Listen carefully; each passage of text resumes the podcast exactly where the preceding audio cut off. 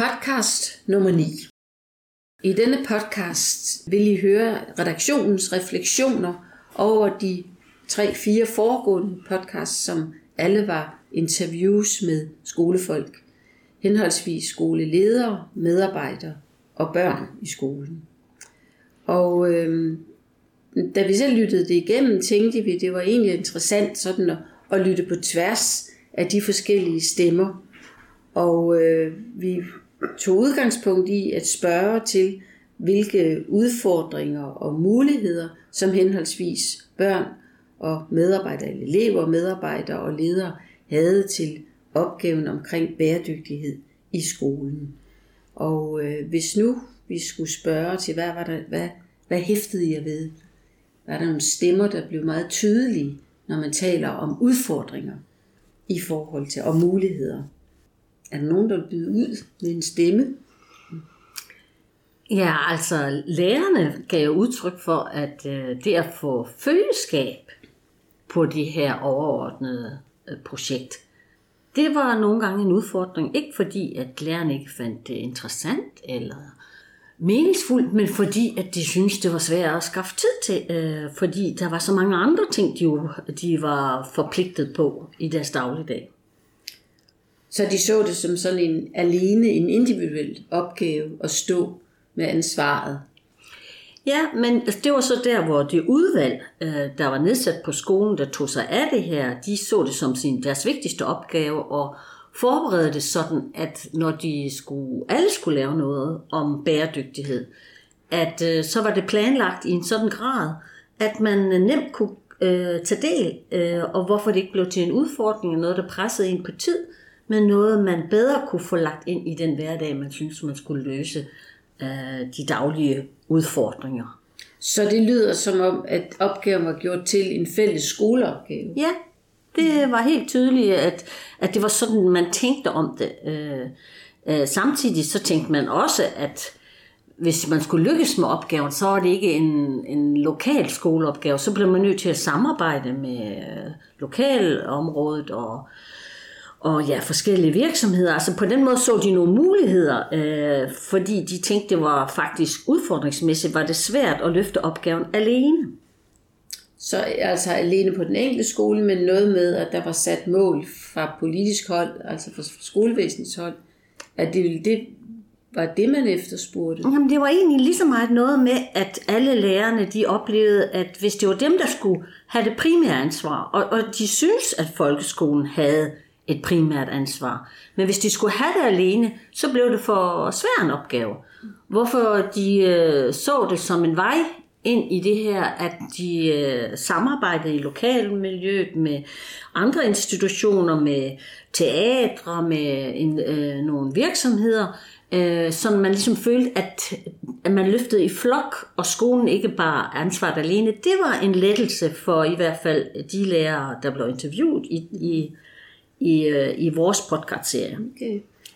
Jeg vidste, hvordan eleverne så på det. Jamen, øh, øh, hvis vi ser på de ældre elever, de ældre elever, vi har talt med, så havde de sådan set øh, nok svært ved at få øje på, at bæredygtighed øh, gennemsyrede øh, skolens praksis.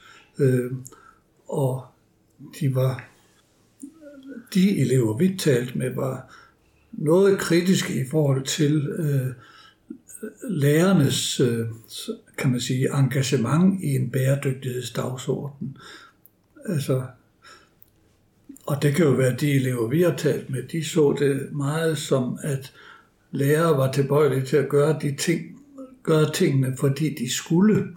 Altså, og hvis de så fik at vide, at nu skal I have bæredygtighed på dagsordenen, så gjorde de også noget ved det, men det var ikke nødvendigvis, fordi de ville det. Øh, og en anden kritik, som øh, elever, de ældre elever kom med, det var det der med, at lærerne, altså for eksempel fysiklæreren, eller geografilæreren, eller hvad det nu måtte være, øh, var altid i stand til at få øh, et tema omkring bæredygtighed drejet i retning af det, de alligevel havde på dagsordenen. Øh, så, øh, så det fik ikke nødvendigvis en selvstændig betydning? Det skulle nej, øh, lægges det, ind under det, vi skal i forvejen. Og så kan man sige, øh, eleverne også i meget høj grad øh, efterlyser handling, efterlyser, at det skal være konkret, altså at vi skal gøre noget. Altså, og øh, når de efterlyste det, så var det jo måske fordi de ikke synes, eller ikke oplevede, at der var så meget handling øh, i den praksis, de kunne få øje på. Og det galt måske i virkeligheden både de ældre og de yngre elever. Men de yngre elever, vi talte med, de kommer også fra en anden skole. Øh, de øh, var måske mere, øh, havde måske mere fået øje på, at der faktisk var nogle konkrete tiltag i skolens hverdag. Mm. Det er jo interessant. Mm. Altså interessant, ja. at ja. skolen deler sig. Mm, det er også interessant ved, at, at der er så stort et potentiale, kunne man tænke, blandt eleverne, at, at de ønsker konkrete handlinger og tiltag. De ønsker sig noget praksis i deres hverdag, mm. som, øh, som har med bæredygtighed at gøre. Det er da i hvert fald et dejligt, at de har det ønske, og de, ikke, de føler sig ikke overhovedet med det. Nej, men man kunne måske sige, at der er sådan lidt et, øh, et skisma mellem, at, øh, at eleverne faktisk efterspørger nogle konkrete tiltag, mm. samtidig med, at vil jeg sige, både medarbejdere og ledere i den grad fokuserer på, at det skal vokse nedefra. Øh, men man kan sige, øh, øh, det burde jo i virkeligheden passe rigtig godt med hinanden. Ja. Øh, men det kommer jo først til at passe med hinanden, når der rent faktisk er nogle tiltag, som øh, er konkrete, som eleverne kan se sig ind i. Mm. Øh, og hvor skal de komme fra? De kommer jo ikke af gode grunde. Ikke nødvendigvis fra eleverne selv. De skal jo komme fra medarbejderne og fra ledelsen. Mm. Så der synes jeg måske, at de samtaler, vi har haft, har afdækket sådan lidt et, øh, et, et, et problem, mm. eller et skisma mellem mm. øh, på den ene side den der konstante betoning af, at det skal vokse nedefra, og på den anden side, der er jo ikke noget, der vokser nedefra, hvis ikke der bliver sået noget ovenfra. Som, som det ene skisma, men vel også det med behovet for konkrete handlinger. Altså passer det bedre til de yngste elever, end tænker vi, eller som den Nej, måde, det som skolen bliver holdt fordi, på. At, øh, fordi efter, de store efterlyser det også. At, at de store elever efterlyser ja. det også, øh, og som de siger, vi har stået der og rusket mm. i lærerne for at få den på banen, sådan, men men jeg mener, Men de har oplevet det som svært. Skolens praksis, tænker jeg, er mere tilbøjelig til det konkrete blandt de yngste elever, end måske de ældste. Ja, det, det måske fordi, mm. at, øh, at det, der foregår blandt de ældste elever, måske er meget styret af, hvad er det for nogle øh, mål og resultatkrav, der er. Så måske. Ja. Men ja. måske kan man sige, at, at selve det, at børn forstår bæredygtighed, også øh, har en tendens til at, handle om den grønne omstilling. Altså, det er klima, og det er natur, og det er det, de taler meget ind i. Øh, og det kan jo også være, fordi det er det, de bliver mødt med fra, fra det indhold, som lærerne kommer med i undervisningen, at så skal vi have noget om dyr og truede dyrearter, eller biodiversitet, eller sådan nogle ting. Øh, så, så på den måde synes jeg, at, at det meget har været de, de eksempler for den del af bæredygtigheden, som, øh, som de elever, vi har hørt, mm har, har givet os. Lærerne de har også et perspektiv, der siger, ja, måske er det nemmere at få de øh, naturfaglige øh, dimensioner repræsenteret i bæredygtigheden, men en udfordring for lærerne er i hvert fald, at rigtig mange af eleverne enten er i den grøft, at de er meget inspireret af Greta Thunberg, og brænder, og der skal de bare puste til ilden, for ilden den er der nærmest. Mm. Men omvendt er der et fokus øh, meget på den enkelte, altså den enkelte unge er i centrum hele tiden. Og det er jo grundlæggende det, som lærerne ser som deres største udfordring. Hvordan får de flyttet øh, eleverne dannelsesmæssigt, så de egentlig ikke sætter sig selv i centrum, men sætter øh, kloden eller øh, ja, øh, naturen øh, i centrum. Og, og det, det er lidt op ad bakke, tænker de, fordi der er så meget fokus på individet og på mig selv mm. øh, i øh, ungdomskulturen, at, at det kan være svært. Og det er jo en generel udfordring. Den er jo ikke specifikt afhængig af, bæ- af bæredygtighed, bliver gjort til temaet. Nej. Det er om undervisningen, hvordan bliver den mere verdensvendt, mm. kan man spørge. Øh, ja. Ja, men altså sammenhold, det I snakker om nu, altså sammenholdt med, at det Jakob siger med, at det eleverne forstår bæredygtighed som, det er meget det planetariske, det er grøn skolegård, det, de vil gerne have sådan nogle konkrete grønne tiltag og affaldssortering. Og så det, som Kirsten nævner som en stor udfordring, og som jo er generelt, skal man sige, det handler jo om en social bæredygtighed, eller en indre bæredygtighed. Så mm. måske, har, måske er det svært at introducere sådan noget for eleverne. Det, det ved jeg ikke. Hvad tænker I? Er det, er det nemt at komme til blandt eleverne og snakke om den slags bæredygtighed? Nej, det tror jeg egentlig ikke. Altså, de ser det bare ikke som bæredygtigt. Okay, nej. Altså, som noget, der handler om bæredygtighed. Nej. Fordi jeg tænker, der er jo rigtig mange gode socialpædagogiske øh, aktiviteter i, altså i øh, ved, altså legegrupper og det at bruge leg øh, for at socialisere at og, og, og meget af skolens daglige struktur er jo bundet op på, kan du vente? Altså, kan du vente på tur, og, og hvorfor skal du kunne det og sådan noget? Så, mm. så man kan sige, jeg tror, der er mange lærere, som egentlig helt naturligt arbejder med den indadrettede del i forhold til, at du skal, du skal se dig selv som en del af det her fællesskab, og derfor så skal du også kunne justere dig selv i forhold til fællesskabet og være godt for fællesskabet. Men det bliver ikke i talsat som, som bæredygtighed. Og hvis man snakker om, hvordan klasser er i forhold til andre klasser, altså er der krig mod A- og B-klassen mellem de to klasser, er det så en kulturel ubæredygtig tilstand? Det er jo heller ikke sådan, vi taler om det normalt i skolen.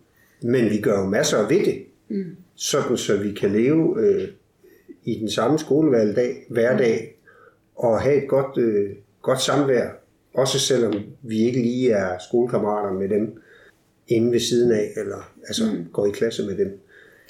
Så det er noget med talesættelsen, tror jeg, fra de voksnes side. Og noget af det, som de voksne også er optaget af, det er også at skabe social bæredygtighed ud over institutionen. Altså mm. de øvrige institutioner i lokalområdet, eller mm. de ældre, de kan synge for osv. Så der er, der er meget fokus på den sociale bæredygtighed, selvom de måske ikke bruger ordet, at vi arbejder med social bæredygtighed. Når man ikke bruger ordet bæredygtighed og sætter det forrest eller øverst, at, at det så har det noget at gøre med måske en vis tilbageholdenhed i forhold til at stå på mål for noget bestemt, som man nemt kan blive beskyldt for, at man politiserer. Altså ligger der en eller anden øh, sådan en, en lidt angst for at, øh, at gå all in og sige, vi vil gerne gøre os til en sådan slags skole, fordi det også åbner for, øh, nå, jamen det havde vi ikke tænkt, vores barn skulle gå i altså fra forældres side for eksempel. Altså er der et eller andet, der gør, at, det ikke, at man ikke løfter det op? Der er jo en specifik en lærer, der siger, vi skal jo ikke politisere. Så vi puster til ilden, mm-hmm. til den ild, der er. Så vi går ikke ud og siger, at vi bekender os til, at det er den her mission, øh, vores dannelsesopgave er, er borgerdag. Men vi puster til den, øh, mm-hmm. fordi så er vi kommet uden om politisering. Mm-hmm. Jo, men samtidig så øh, har vi jo også talt med, ikke kun i podcast, men kvæg dem vi kender, øh, øh, med skoler, som for eksempel arbejder med verdensmålene, øh, eller for eksempel arbejder med børnekonventionen og rettigheder, og hvor man kan sige, det er jo et eller andet sted, at man tager stilling, ikke mm. i en politisk forståelse, men man tager jo stilling til nogle værdier, der, der ligger i noget af det, FN udstikker i verdensmålene, eller menneskerettighedskonventionen, eller børnekonventionen. Og det, det kan man sige, det, det, øh, det er mere, tror jeg, øh, noget med modning. Altså mere end det er sådan en frygt for, at man ikke vil politisere. Jeg tror mere, det er en modning om, hvad er det for et sprog, jeg egentlig kan bruge ind i min pædagogiske virksomhed. Mm. Og over for børnene og med børnene. Mm. Og hvad er det for et sprog, jeg vil lære videre til børnene, eller ikke kun sprog, men også altså forståelse og erkendelse, jeg, jeg kan præsentere for børnene, der er muligt. Øh, der tror jeg måske, man vi sådan er i en, en fase, øh, en udvikling som uddannelsessektor, øh, altså at man i grundskolen jo ikke er vant til at gå forrest med sådan bæredygtighed som sådan et koncept. Har, har det at gøre med, at nogle af de andre til rettighedsskole, og, og at, at der er det værdisættet ligesom sat internationalt andet steds fra, hvor bæredygtighed er så bredt og måske fluffigt et begreb, at vi lynhurtigt kan komme ud i helt på det personlige plan en, en modsætningsforhold i forhold til, om man er med eller for eller imod kød, eller mm. for og imod flyvning. Altså der er rigtig meget, der faktisk øh, kan bære ved til nogle, øh, til, til nogle konflikter. Jamen, jeg tænker, øh, eleverne, sådan som jeg hører dem, de efterlyser jo meget forbilleder. Øh, og forbilleder i en skolesammenhæng, det er, er næsten nødt til at være lærerne og pædagogerne. Mm. Og samtidig så er lærerne og pædagogerne måske lidt tilbageholdende mm. og lidt bange for at fremstå som forbilleder. Øh, måske fordi, at, øh, at så skal der også være en tilstrækkelig overensstemmelse mellem det, de siger, og det, de selv gør. Mm. Øh, og det tror jeg på kan være en barriere for mange voksne, at øh, det her det stiller sådan set også nogle krav til mig selv. Altså jeg kan ikke nøjes med bare at være den øh, øh, ansigtsløse lærer. Altså jeg er nødt til at være en lærer med et ansigt og en ryggrad øh, for at kunne fremstå som forbillede. Men, men det rammer jo tilbage og bliver en fordring til mig selv, sådan, som jeg tror, nogen viger tilbage for. Det ligger ikke i den øh, måde, vi efterhånden har forstået lærerrollen og pædagogrollen på. Der er noget kulturelt bestemt i det, så selvom skolebestyrelsen og ledelsen egentlig ønsker, at man skal arbejde ud fra bæredygtighedsdannelsesideal, så er det ligesom alligevel, at der er nogen af lærerne, der giver udtryk for, ja ja, men øh, jeg behøves ikke at politisk stå ved det. Jeg kan nøjes med at have emner og... Mm Ja, jeg vil sige, det er nok ikke kun lærerne og pædagogerne, det er nok også lederne, der mm. ligesom er ramt af lidt det samme. Ja, ja. Men jeg vil og måske sige, også politikere. Men jeg tænker jo, at, at lærere, der, der er jo mange lærere, der er meget tydeligt omkring øh, sociale normer. Altså, mm. vi vil, og skoler er meget bevidste om, at vi vil ikke have mobning. Vi vil sådan set heller ikke have nogen, der driller hinanden. øh, og er efter hinanden. Altså, vi skal leve fredeligt sammen og, og have nogle gode dage. Mm, øh, og det man, det, der er man ikke, kan man sige, ansigtsløs. Der vil man gerne bekende kulør, fordi det er åbenlyst. Mm. Men det bliver jo ikke i tale som, talsat som, at det ikke er bæredygtigt. Altså, når I slås i skolegården, så er det jo ikke bæredygtigt børn. Men altså, det er jo ikke, det er jo, sådan er sproget jo ikke. Øh, men hvis man skal sige bæredygtighed, jamen, så er der nogle medbetydninger af klimakrise og global opvarmning, og jeg skal komme efter dig, og biodiversitet. Og så er det jo straks lidt sværere, mm. øh, sådan bare henvise til en norm. Mm. Ja. Men det åbner måske en mulighed for, fordi jeg tænker da, nå, det er jo meget sjovt måske at tænke, altså tage økologiske eller bæredygtige briller ind i det sociale, fordi så får man jo øje på, at, at ligesom i økologien, at ting hænger sammen, og det, der er godt for dig, og du giver videre til mig, altså ilt og CO2-kredsløb, sådan er det jo også med følelser, mm. sådan er det med relationer, og man bliver, man bliver mere tillidsfuld af at møde tillidsfuldhed, så man kan sige, hele det, øh, hele det der økologiske måde at se det på, var måske godt at bringe ind i uh, den sociale bæredygtighed, eller det sociale felt, så jeg bare tænkt. Ja, og måske, og måske er det det, eleverne i virkeligheden efterspørger. Oh, ja. Altså uden de helt at siger det på din måde. Ja, ja. Mm. Man, Ja, ja, eller man kunne godt have en mistanke om, at når hvis lærere og pædagoger siger, vi vil ikke have slås, så er det ud fra sådan et disciplineringssynspunkt, måske mere end et økologisk synspunkt. Mm. Altså, vi vil ikke have I slås, fordi så er der for meget uro og ballade, øh, øh, men det er jo ikke en, en, en, en helhedstænkning. Sådan. Altså, øh, det er måske der, det lige præcis bliver en dannelsesopgave, mm. og en langsigtet dannelsesopgave, fordi øh, det er en anden måde også at anskue for eksempel det sociale og det sociale samspil.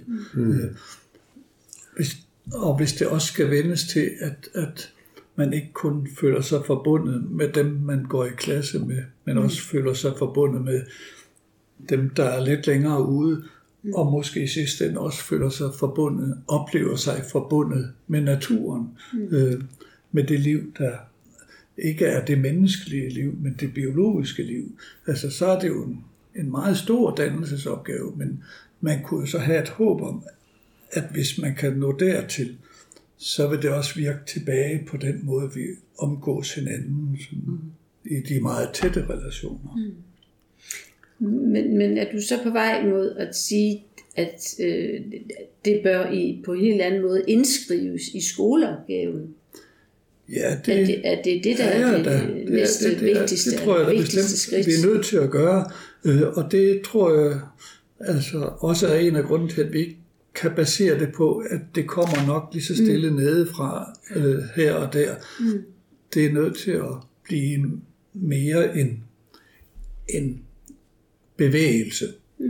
Er det Men en der- bevidsthed, lærerne har også? Ja, men der, der synes jeg, der er en forskel på, fordi leder, lederne, i hvert fald dem vi har interviewet, de giver udtryk for, at de vil faktisk helst ikke have, at der kommer noget dekret op fra. Altså, mm, kan vi bevare vores ledelsesmæssige frirum, og vi kan også godt lide, at vi selv brænder for det her, og går i byen med det som vores agenter. Mm. Øh, men eleverne modsat øh, øh, efterspørger det modsatte, så ligesom om der er, der er to forskellige dimensioner her, der, ja, der har to vidt forskellige interesser. Øh, Men, men er det, er det, altså, er det fordi, vi står, vi står over for noget grundlæggende anderledes end det hidtil?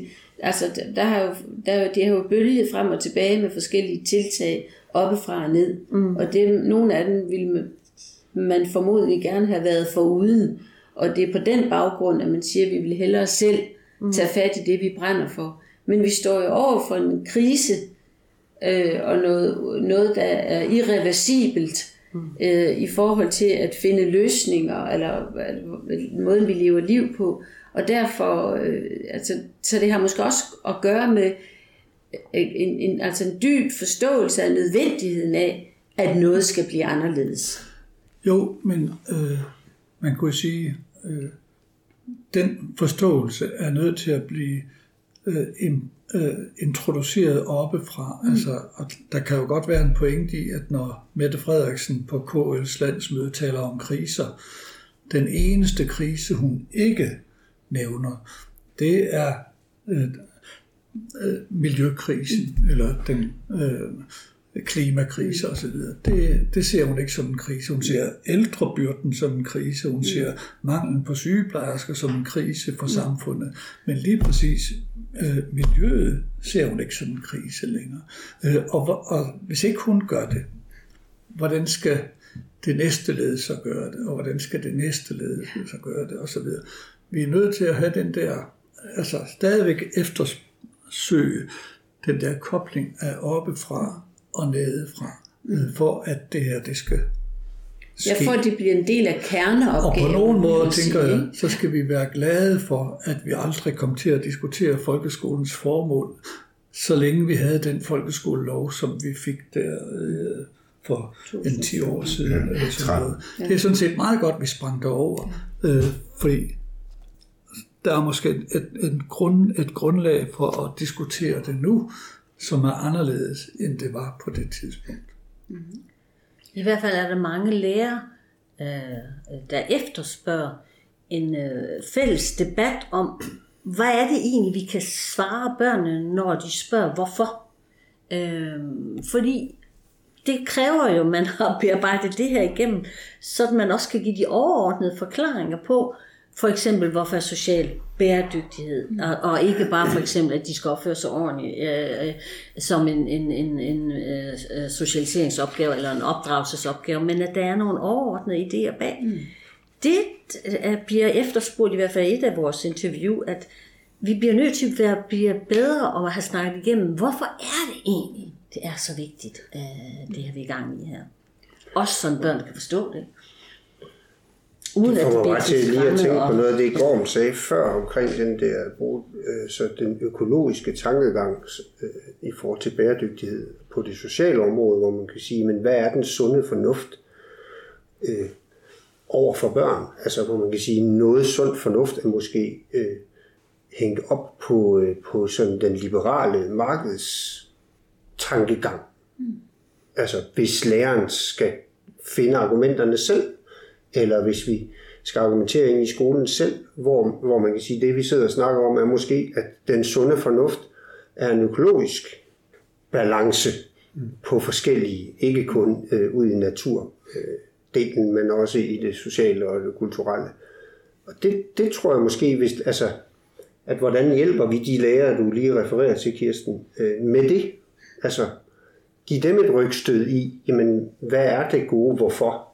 Over for børnene. Hvad er det nye, hvorfor set i lyset af en bæredygtighedsforståelse? Kunne I sådan afslutningsvis sige noget om, hvad, hvilken værdi der ligger i at høre så forskellige stemmer, som børn, eleverne og medarbejderne og lederne? Altså kan det noget at høre stemmerne sådan hver for sig? Giver det nogle anledninger? Jo, men jeg synes, det har øh, øh, givet det, øh, at man får den der øh, oplevelse af, at øh, på nogen måde er det fra eleverne, fra børnene, det skal komme. Fordi børnene øh, tænker meget konkret og meget handlingsorienteret, og vil gerne tænke handlingsorienteret. Det, der er udfordringen, det er, at, at, at den skal gribes af ledere, og lærere og pædagoger, fordi at, øh, at det ligger i virkeligheden, selvom det lyder paradoxalt, så ligger det lidt fjernt fra øh, lærers og pædagogers måde at se skoleopgaven på, fordi de ser den måske i for høj grad som yderstyret, altså noget, der er bestemt, øh, og som øh, og de ser måske den almindelige skoleopgave som noget, der i virkeligheden stiller sig i vejen for at være meget konkret og meget handlingsorienteret. Mm. Øh, så øh, øh, lederne taler jo, og lærerne taler jo meget om, at vi skal lytte til børnenes stemmer. Mm. Men det gode spørgsmål, det er, om, om lederne og lærerne og pædagogerne rent faktisk øh, er parate til mm. øh, og er i en situation, så de føler, at, det er i stand, at de er i stand til at lytte mm. til børnenes stemmer. Ja, og så kunne man sige, øh, får jeg lyst til at sige i forlængelse af det, I siger, det du siger, Jacob, og det du siger lige nu, altså øh, lærere og pædagoger og ledere skal måske, i stedet for at se sig som vogtere af et liberalt et eller andet paradigme, skal de måske se sig ind som med i et økologisk paradigme, altså Skolen er en økologi, hvor lærere, ledere og børn har et samspil, udveksler ilt og CO2, læring, alt muligt. Altså de skal se sig også som personer, skal de se sig involveret i det, og, og gå ind i det på den måde. Det er jo en helt anden tilgang, tænker jeg. Ja, det fik jeg lige lyst til at sige. Professionel økolog.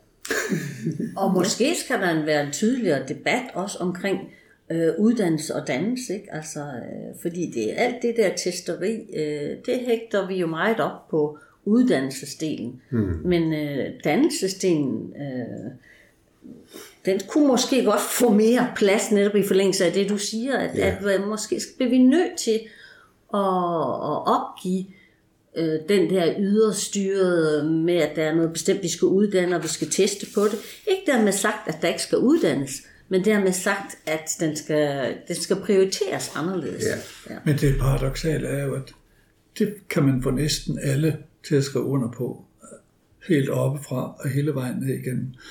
Og så bliver det paradoxale, hvordan kan det så være, at vi hele tiden griber tilbage til, mm. at vi er også nødt til at have styr på, vi er også nødt til at mm. have kontrol med, og vi er også nødt til, og så videre, og så videre. Så, så der mangler mod. Ja, Men der jeg hørte- mod, jeg der hørte mangler- vores, og Man kan også sige, at der mangler vækkelse. mm. vores nye undervisningsminister, og man kan sige meget om ham, men han, han har jo lige afskaffet, eller ville afskaffe de der parathedsprøver, hvor han siger, at han synes, i stedet for, så skulle lærerne snakke med eleverne om, hvordan de har det med skolegang, og hvordan de vil nå de mål, de gerne vil nå, i stedet for at sidde og lave parathedsvurderinger. Det er da et skridt i vejen, fordi man kan sige, det der, at lærerne laver parathedsvurderinger, hvis vi sådan bruger de økologiske briller, så er de jo i gang med at gøre noget ved de unge mennesker, at de bliver mindet på at blive målt og vejet hele tiden. I stedet for at sige, nej, gå i dialog med de unge mennesker, hør på, hvad de siger, hvad deres ønsker er, så skal der nok findes en vej. Ja, og vi skal jo tro på, at han mener det. Ja, Ja, Også i praksis. Ja men godt. således beriget, og, og måske med den læring, at det er ikke så dårligt at lytte til børnene. Så den tager vi, tager vi med i vores videre arbejde. Tak.